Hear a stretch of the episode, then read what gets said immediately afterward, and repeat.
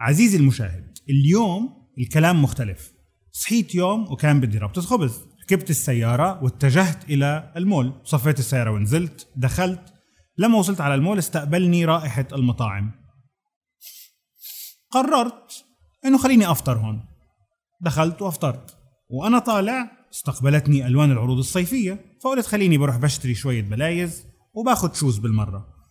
بعد عناء طويل وصلت على السوبر ماركت. دخلت السوبر ماركت لقيت نفسي في قسم اللوازم المنزلية اشتريت قطعتين من هون وكملت على القسم الأجهزة الكهربائية. أخذت قطعه من هناك وطلعت لعند الكاشير. وأنا بحاسب لازم شوكولاتة ولازم chewing gum ولازم بطاريات لأنهم مخلصين أخذتهم وغادرت. وأنا طالع ال donuts كتير مهمة.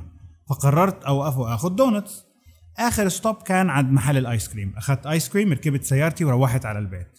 الكارثة وين؟ لما فتحت الأكياس وجدت كل هذه الأشياء عدا ربطة الخبز. حلقتنا اليوم هو البحث عن تلك الربطة المفقودة ونعرف كيف راحت منها.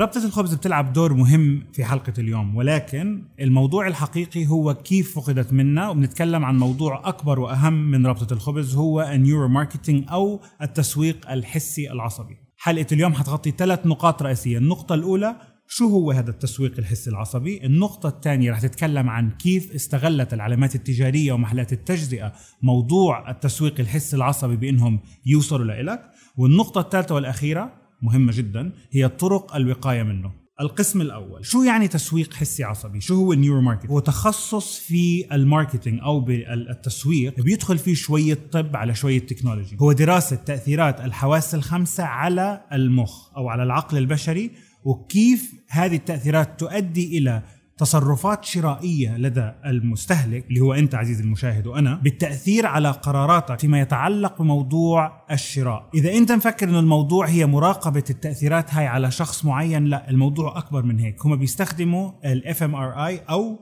تقنيات الرنين المغناطيسي بحيث يشوفوا كيف العقل يتعامل مع بعض المؤثرات الخارجية من حرارة ضوء صوت رائحة ملمس وكل هذه الأمور متجمعة وبشوفوا كيف بتأثر على المخ وبالتالي بشوفوا كيف قراراتك الشرائية تتأثر بهذه المؤثرات الخارجية. الآن النقطة الثانية، كيف استغلت الشركات والعلامات التجارية وحتى محلات التجزئة وحتى المول اللي بتروح عليه، كيف استغلوا كل هذه المؤثرات بإنهم يوصلوا لإلك ولأفراد أسرتك ومن يحيطك، والهدف طبعا أنت عارفه شو هو، هو هدف واحد فقط لا غير هو الوصول إلى تشين تشين. شعور الجوع المفاجئ وإنك لازم تاكل هلأ باللحظة هاي حتى لو ما كان موعد أكلك. لما تمر من جنب مطعم للوجبات السريعة مش بالصدفة. الرائحة اللي بتشمها من هناك مش رائحة البرجر المطبوخ لا هي رائحة مزروعة صممت إنه المطعم يبث الرائحة هاي في المكان وما حول المكان لاستقطابك. في دراسات موجودة تحت انزلوا اقرأوها وفعلوا زر الجرس واشتركوا بالقناة واتركوا لنا تعليق مشان الله. ما عملوا آه شيء بال neuromarketing له علاقة بتفعيل زر الجرس والاشتراك؟ يقال إنه الأنف البشري بالدراسات مش أنا اللي بقول الدراسات اللي بتقول الأنف البشري أو حاسة الشم عند البشر ممكن تتذكر رائحة شمتها اليوم بعد سنة من اليوم بدقة 65% نسبة عالية جدا. ارتباط رائحة الشم بالذاكرة قوية جدا. هي من أفضل محفزات الذاكرة عند الإنسان. في أحد الدراسات بتقول إنه بعض شركات القهوة اللي بتقدم القهوة لما لقوا إنه مستوى المبيعات نزل في محطات البترول قرروا إنهم يضيفوا رائحة على الماكينة نفسها اللي بتعمل القهوة مش ريحة القهوة المطحونة بما إنها بتيجي سائلة مركزة أضافوا الريحة اللي بتشمها في محل القهوة نفسه وهاي هي اللي بتحفز عندك الرغبة في شراء كوب من القهوة حتى لو كان معك واحد في السيارة. مثلا أصدقائنا اللي بيدرسوا موضوع التسويق الحسي العصبي وجدوا إنه الموسيقى العالية اللي هي الموجة العالية من الموسيقى بتخلي الشخص اللي بيسمعها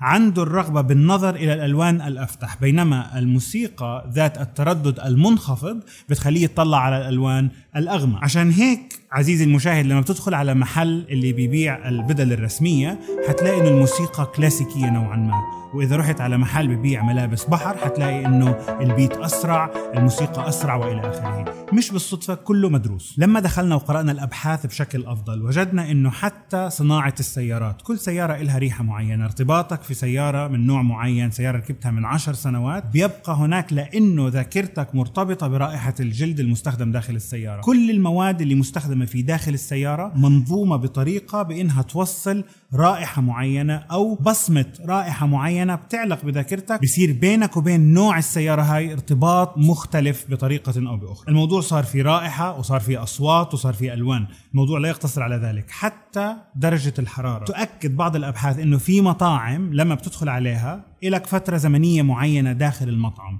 جالس عم تاكل خلصت أكل وجدوا إنه العديد من المطاعم ترفع الإضاءة اللي فوقك مباشرة بحيث يرتفع حرارة المكان قليلا عشان تصير أنت مش قادر تقعد فترة أطول بحيث إنهم أنت وصلت وأكلت شو قاعد عم تعمل يلا هوينا اللي بعده. أما في السوبر ماركت موضوع الحرارة بيلعب دور أكبر. وأنت بالسوبر ماركت وجدوا إنه لما الحرارة تكون مرتفعة زيادة أو منخفضة زيادة وأنت بتبدأ جسدك بحس بنوع من عدم الراحة قراراتك الشرائية عزيزي المشاهد بتصير أسرع. فاحتمالية إنك تقعد وتمسك الشيء وتفكر إذا بدك إياه فعلا أو هو هذا اللي بتبحث عنه ببطل عندك كمية الصبر هاي. فبتلاقي نفسك بتاخذ الشيء وبتحطه بالعربة تبعت التسوق وخلص بدك تخلص وتطلع بسرعة.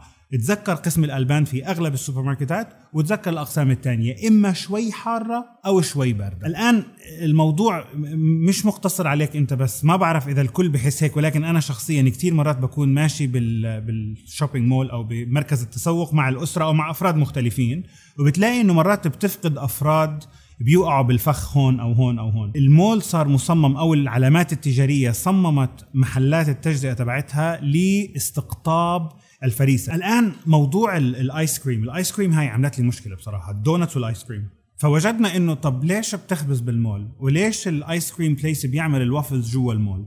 وليش محل الكوكيز بيعمل الكوكيز جوا المول؟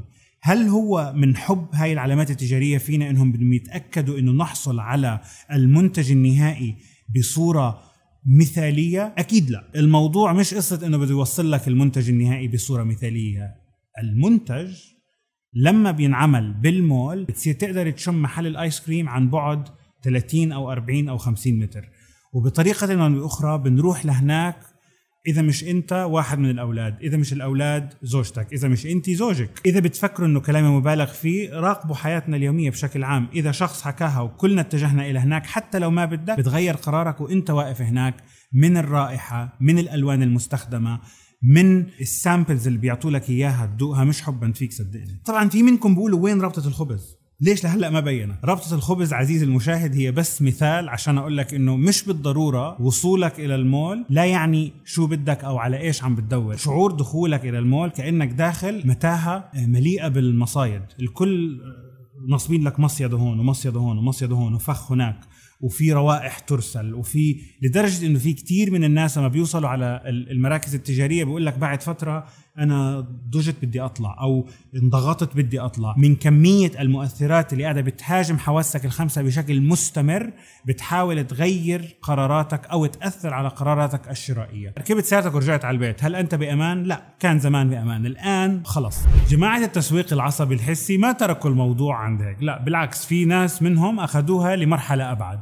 في كثير من الناس بتحس إنه شغلهم يفتقر إلى الأخلاقية. في تقرير تحت انزلوا اقرأوه بيتكلم عن آه، مجال من الأبحاث بحيث إنهم وصلوا لمرحلة إنهم زرعوا دماغ بشري في مختبر عشان يشوفوا كيف تأثيرات الحواس الخمس أو التأثيرات الخارجية الحسية على هذا الدماغ وكيف بتأثر على قراراته الشرائية. كل هذا عشان يفهموك بطريقة أحسن.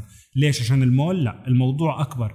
هلأ عم يتركوا المول وبيتجهوا إلى العالم الافتراضي. عارفين إنه في كتير ناس عم تشتري أشياء أونلاين وقرروا إنهم برضو يستغلوا هذا الموضوع التسويق العصبي الحسي في هذا المجال. طبعا بتقول كيف بيستغلوا ال online marketing؟ موضوع مش أسهل بالعكس أصعب. ليش؟ لأنه بالأونلاين هو عارف بالضبط مع مين بيتكلم. امسك على سبيل المثال الهاتف تبع ابنك الصغير أو بنتك أو الآيباد وامسك هاتفك وقارن بين الاثنين. امسكي هاتف زوجك إذا خلاكي هيك فتنا بالحيط وقارنيه مع الأشياء اللي بتطلع على هاتفك. انت وشوفي إنه الدعايات مركزة ومصممة خصيصا انها تأثر عليه هو مش عليكي انت والعكس صحيح. طيب طبعا أنت بتقول الهاتف ما بيطلع ريحة لسه ما بيطلع ريحة. ممكن لقدام يصير ولكن في أشياء أخرى بيقدروا يأثروا عليك فيها. فمثلا لقوا إنه طريقة الدفع هي أحد الأشياء الرئيسية اللي بتأثر على قراراتك الشرائية. لقوا إنه في أمريكا مثلا البحث كمان موجود لقوا إنه طريقة الدفع عن طريق الكريدت كارد غير محبذة عند الشعب الأمريكي، الطريقة الأفضل للدفع اللي بتحفز الشخص على إنه يدفع هي طريقة ال PayPal، وفهموا كيف هذه النقطة بالضبط كيف تؤثر على العادات الشرائية عند الناس، فلقوا لما بيحطوا ال PayPal كطريقة للدفع، قابلية الشخص إنه يعمل الشراء أو يتم عملية الشراء أعلى بكثير. موضوع الأصوات بيلعب دور كبير في قراراتك